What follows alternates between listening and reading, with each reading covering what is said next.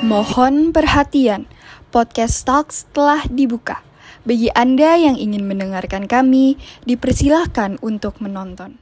Halo Stalkers, balik lagi di Sal Sosmaslin Talks bersama aku Fadia dan aku nggak sendiri nih aku bareng teman aku. Halo halo stalkers, kenalin aku Hani. Halo Hani, gimana nih kabarnya? Kayaknya nih kan kalau farmasi udah mulai nih ya kuliah offline sama praktikum offline. Iya. Boleh dong di review nih kuliahnya. Eh gimana ya? Seneng sih, tapi pasti ada sedihnya juga sih. Aduh kok malah sedih. Kayak ketemu temen harusnya seneng gak sih? Sedihnya itu karena kan kalau farmasi itu kan ada praktikum ya. Bener, bener Nah, pulang praktikum tuh naik kendaraan umum gitu Hmm. kan, naik KRL gitu kan. Nah, sampai rumah ini ada aja masalah kulit yang muncul di kulit aku gitu. Nah, sampai sekarang juga aku belum nemuin gimana caranya nentuin skincare yang tepat untuk kulit aku. Nah, itu tuh yang buat sedih banget gitu. Sampai sampai pulang di rumah tuh kayak ih kusam banget nih muka gitu. Aduh bener banget, kayak aku juga relate Mungkin dari Stalker sendiri juga banyak banget ya yang relate sama masalah Hani Tuh. Mau tahu gak sih Han solusinya? Mau banget dong. Oke, kayaknya kita nggak usah perlu lama-lama lagi ya, langsung aja. Boleh nih kenalin Kak Shania. Ya, halo-halo semuanya. Hmm. Aku Shania dari PT Paragon Technology and Innovation. Aku alumni farmasi angkatan 2015 dan apoteker UI angkatan 2019. Oke, halo Kak. Halo. Oke, mungkin dari Stalker sendiri masih awam kali ya, dia yang belum tahu sebenarnya Paragon tuh apa sih? Boleh dijelasin nih Kak, Paragon Oh, iya. itu apa? PT Paragon itu adalah industri lokal kosmetik terbesar di Indonesia yang mungkin kalau teman-teman pernah tahu atau pernah dengar Wardah, Emina, Makeover, terus ada produk prianya Kaf, itu semua adalah produk-produknya PT Paragon gitu. Oh, Oke, oke. Nah, oke. di Paragon itu sendiri juga ada uh, dekoratif atau yang mungkin teman-teman kenal dengan make up dan juga Iya. ada skincare-nya gitu. Nah, di Paragon aku itu sebagai formulator di research and development-nya yang memang fokus di skincare gitu. Oke, Oke, Nah, pas kan banget pas ya. banget kan, pas banget nih masalahnya tentang skincare. Mungkin kita langsung aja kali ya nanya-nanya. Oke, Aku mau nanya nih kak, Eh, mungkin eh, berawal dari yang basic-basic aja dulu kali ya. Sebenarnya basic skincare tuh apa sih kak? Sama Mm-mm. sebenarnya basic skincare ini terdiri dari apa aja? Ah ya. Nah, basic skincare itu merupakan rangkaian perawatan kulit yang memang paling dasar gitu ya, Iya. yang perlu digunakan oleh teman-teman semuanya gitu. Mungkin di luaran sana nggak awam dong kalau kita dengar 10 step skincare rutin, 7 step skincare rutin gitu ya. Kan kita bingung nih, kok banyak banget sih skincare yang harus digunakan gitu. Tapi sebenarnya yang paling basic yang nggak boleh kita lupakan itu ada tiga tahapan, yaitu basic skincare-nya. Terdiri dari cleanser atau pembersih muka, terus moisturizer atau pelembab, dan yang terakhir itu paling penting adalah kita harus memprotek kulit kita dengan menggunakan sunscreen gitu. Oh, oke oke. Tadi kan udah jelasin tentang basic skincare itu apa, terus juga eh, terdiri dari apa aja gitu kan. Nah, aku mau tanya untuk pemilihan basic skincare-nya ini ini didasarkan oleh kondisi kulit eh, masing-masing atau gimana? Karena kan ada kondisi kulit yang kering gitu kan Benar, kayak nah, ya Mm. itu. Nah, Gimana tuh, Kak? iya, jadi untuk penggunaan skincare ini kita harus tahu dulu nih tipe kulit kita apa gitu ya. Mungkin perlu dibedakan tipe kulit sama kondisi kulit. Kalau tipe kulit itu yang benar-benar genetik kita, kita lahir dengan tipe kulit ini gitu. Hmm. Itu ada berminyak, ada kering, ada normal, terus dan juga ada kombinasi. Tapi beda lagi dengan kondisi kulit kayak jerawat atau kulit berkelupas atau apa itu adalah kondisi kulit gitu ya. Nah, memang untuk mendapatkan hasil yang maksimal, kita harus menggunakan skincare yang sesuai dengan tipe kulit kita gitu. Misalnya, kita memiliki kulit yang kering, berarti kita membutuhkan bahan-bahan skincare yang mengandung pelembab gitu ya. Hmm. Hi- uh, moisturizing seperti misalnya hyaluronic acid yang mungkin teman-teman udah sering dengar ya di Iya, luar sana benar, kan benar. banyak banget tuh terus ceramide terus yang mengandung humectant seperti um, gliserin gitu untuk melembabkan kulit. Nah kalau misalnya untuk kulit yang berminyak itu beda lagi karena kalau kulit berminyak itu berarti dia cenderung memiliki pori yang besar, terus produksi minyaknya itu berlebih. Jadi perlu menggunakan produk-produk yang bisa mengabsorb atau menyerap minyak.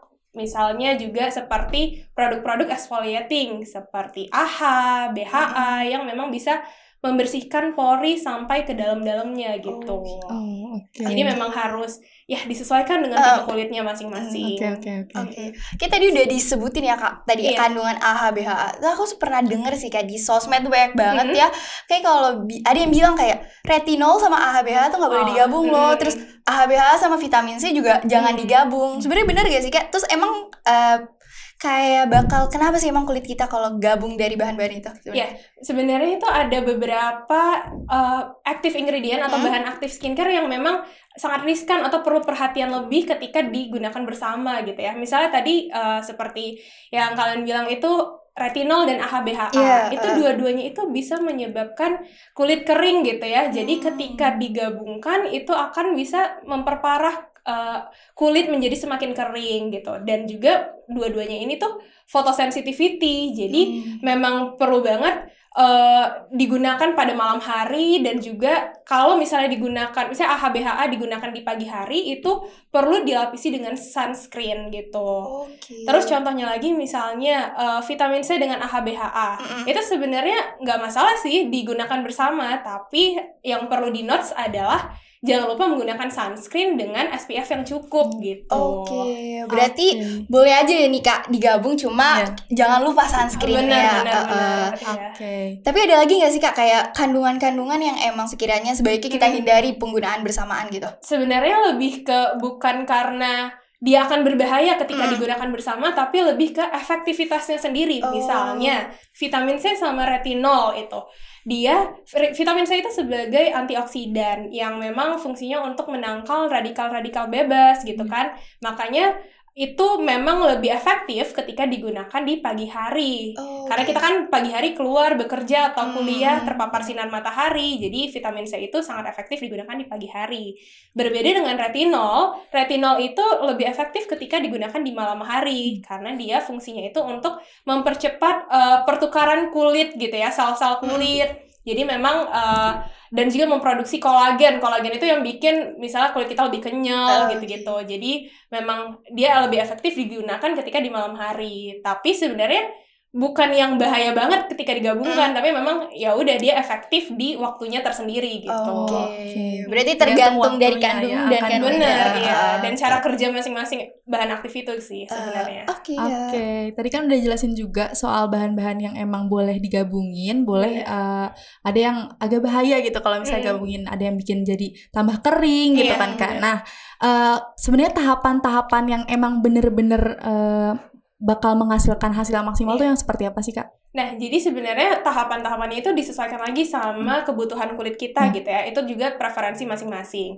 Nah, yang pasti itu adalah kita di pagi hari kita harus mencuci muka pakai cleanser Hmm. gitu ya. Setelah kan kita membersihkan kulit itu pasti eh, ada aja oil yang mungkin ter pasti oil itu jadi terbuang, eh, jadi terbersihkan, tapi bisa yang menyebabkan kulit kita kering. Nah, setelah kita eh, mencuci muka itu kita perlu menggunakan pelembab gitu ya. Nah, di pagi hari itu sebenarnya yang penting adalah cleanser, moisturizer, dan yang terakhir adalah sunscreen gitu. Oke. Tapi kalau misalnya teman-teman mau menggunakan skincare yang lain itu juga nggak masalah. Hmm. Jadi sebelum pakai sunscreen itu kita pakai serum dulu gitu itu juga nggak masalah.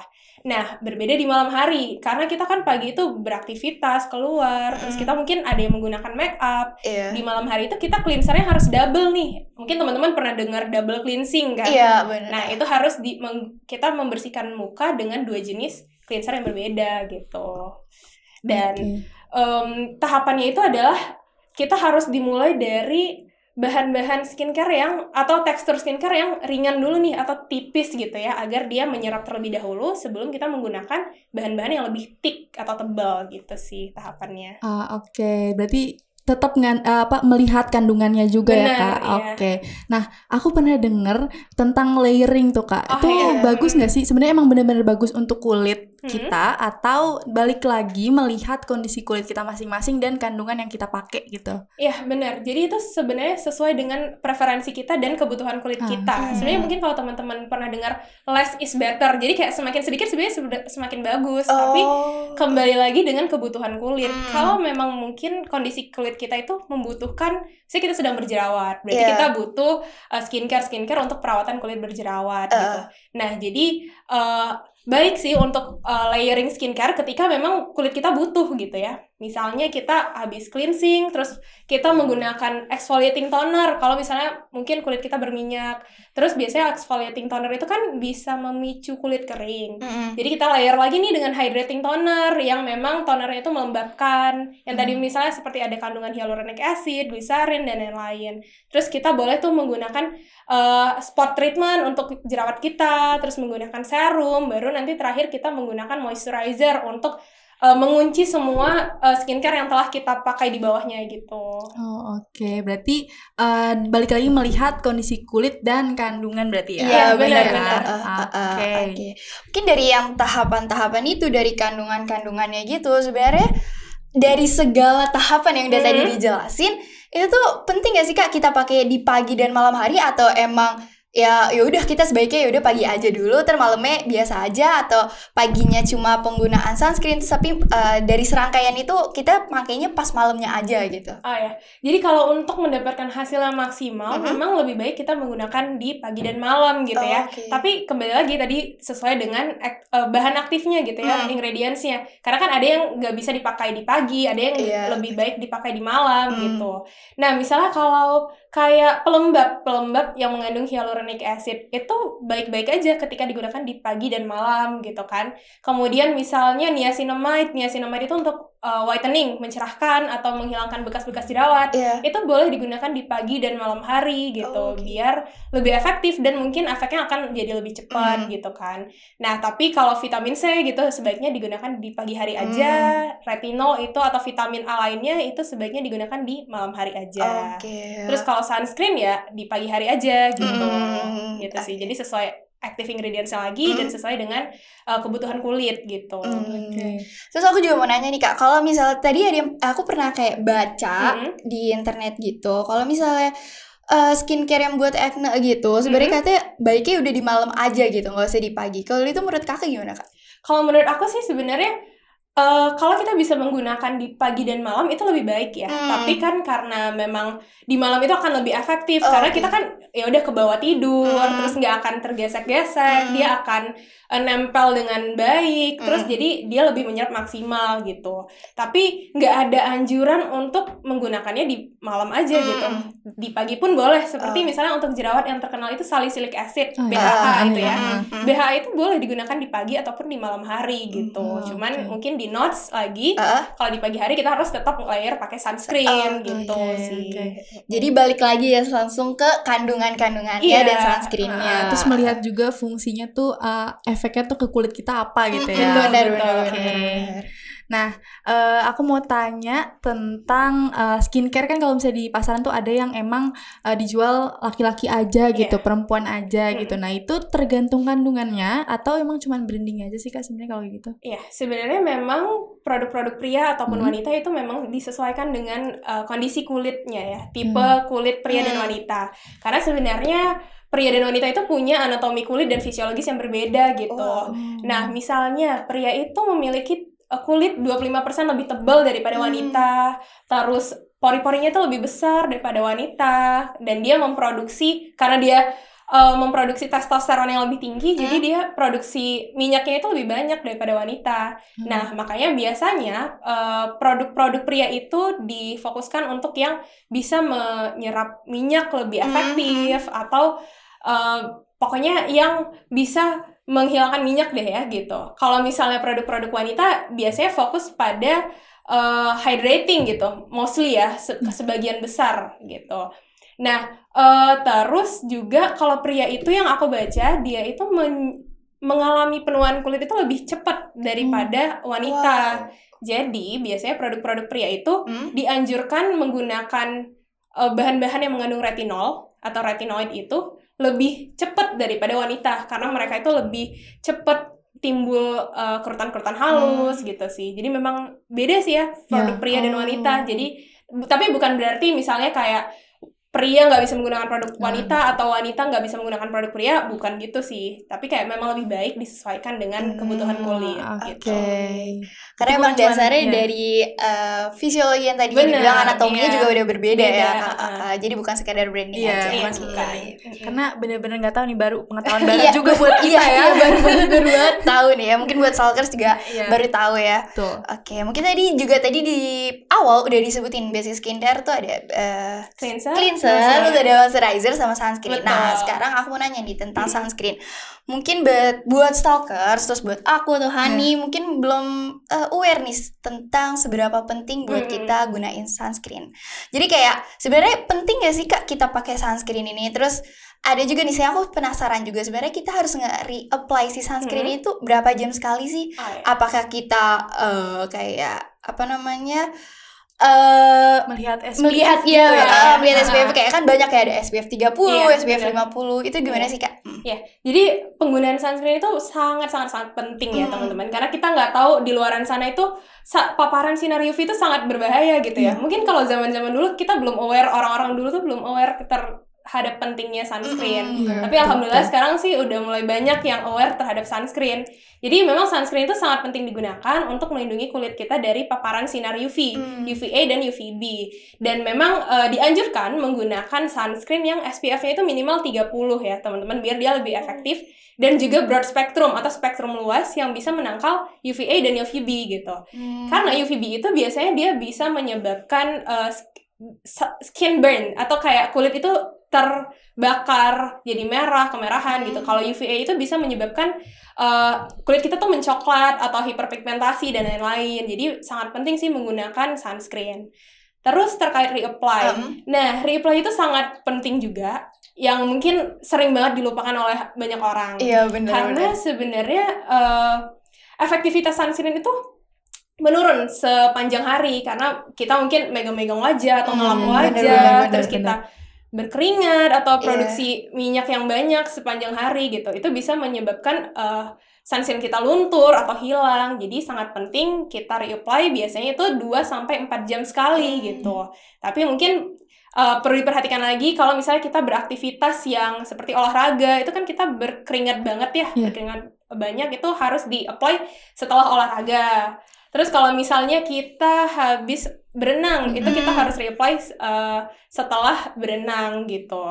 Nah, kalau misalnya kita indoor nih ya, jangan eh, difikirkan kalau misalnya kita indoor itu kita nggak mungkin terpapar sinar UV enggak, karena UV itu bisa menembus kaca. Jadi penting juga kita menggunakan sunscreen ketika kita beraktivitas indoor gitu ya, teman-teman. Oke, jadi sebenarnya itu penting banget ya Tara Penting ternyata banget, buat uh-uh. kita pakai Iya. sunscreen dan juga tapi balik lagi ke aktivitas sehari-hari kita tuh kayak Betul, gimana. iya. Jadi kita harus tahu ya kapan harus nge-reply Iya. tadi kayak 2 atau sampai 4 jam 4 jam sekali ya, sekali, Kak. iya, Oke. benar-benar. Aku juga baru tahu loh itu Mm. tadi eh, di indoor tuh. Sebenarnya udah sering dengar tapi Iya. ternyata sepenting itu juga Mm. pakai sunscreen di indoor Betul, ya. betul, Aku betul. sering sih soalnya. Iya, soalnya kalau indoor kayak ya udah di Iya, dalam rumah jadi nggak usah pakai apa-apa gitu Iya, ya. bener Iya, banget, bener betul. banget.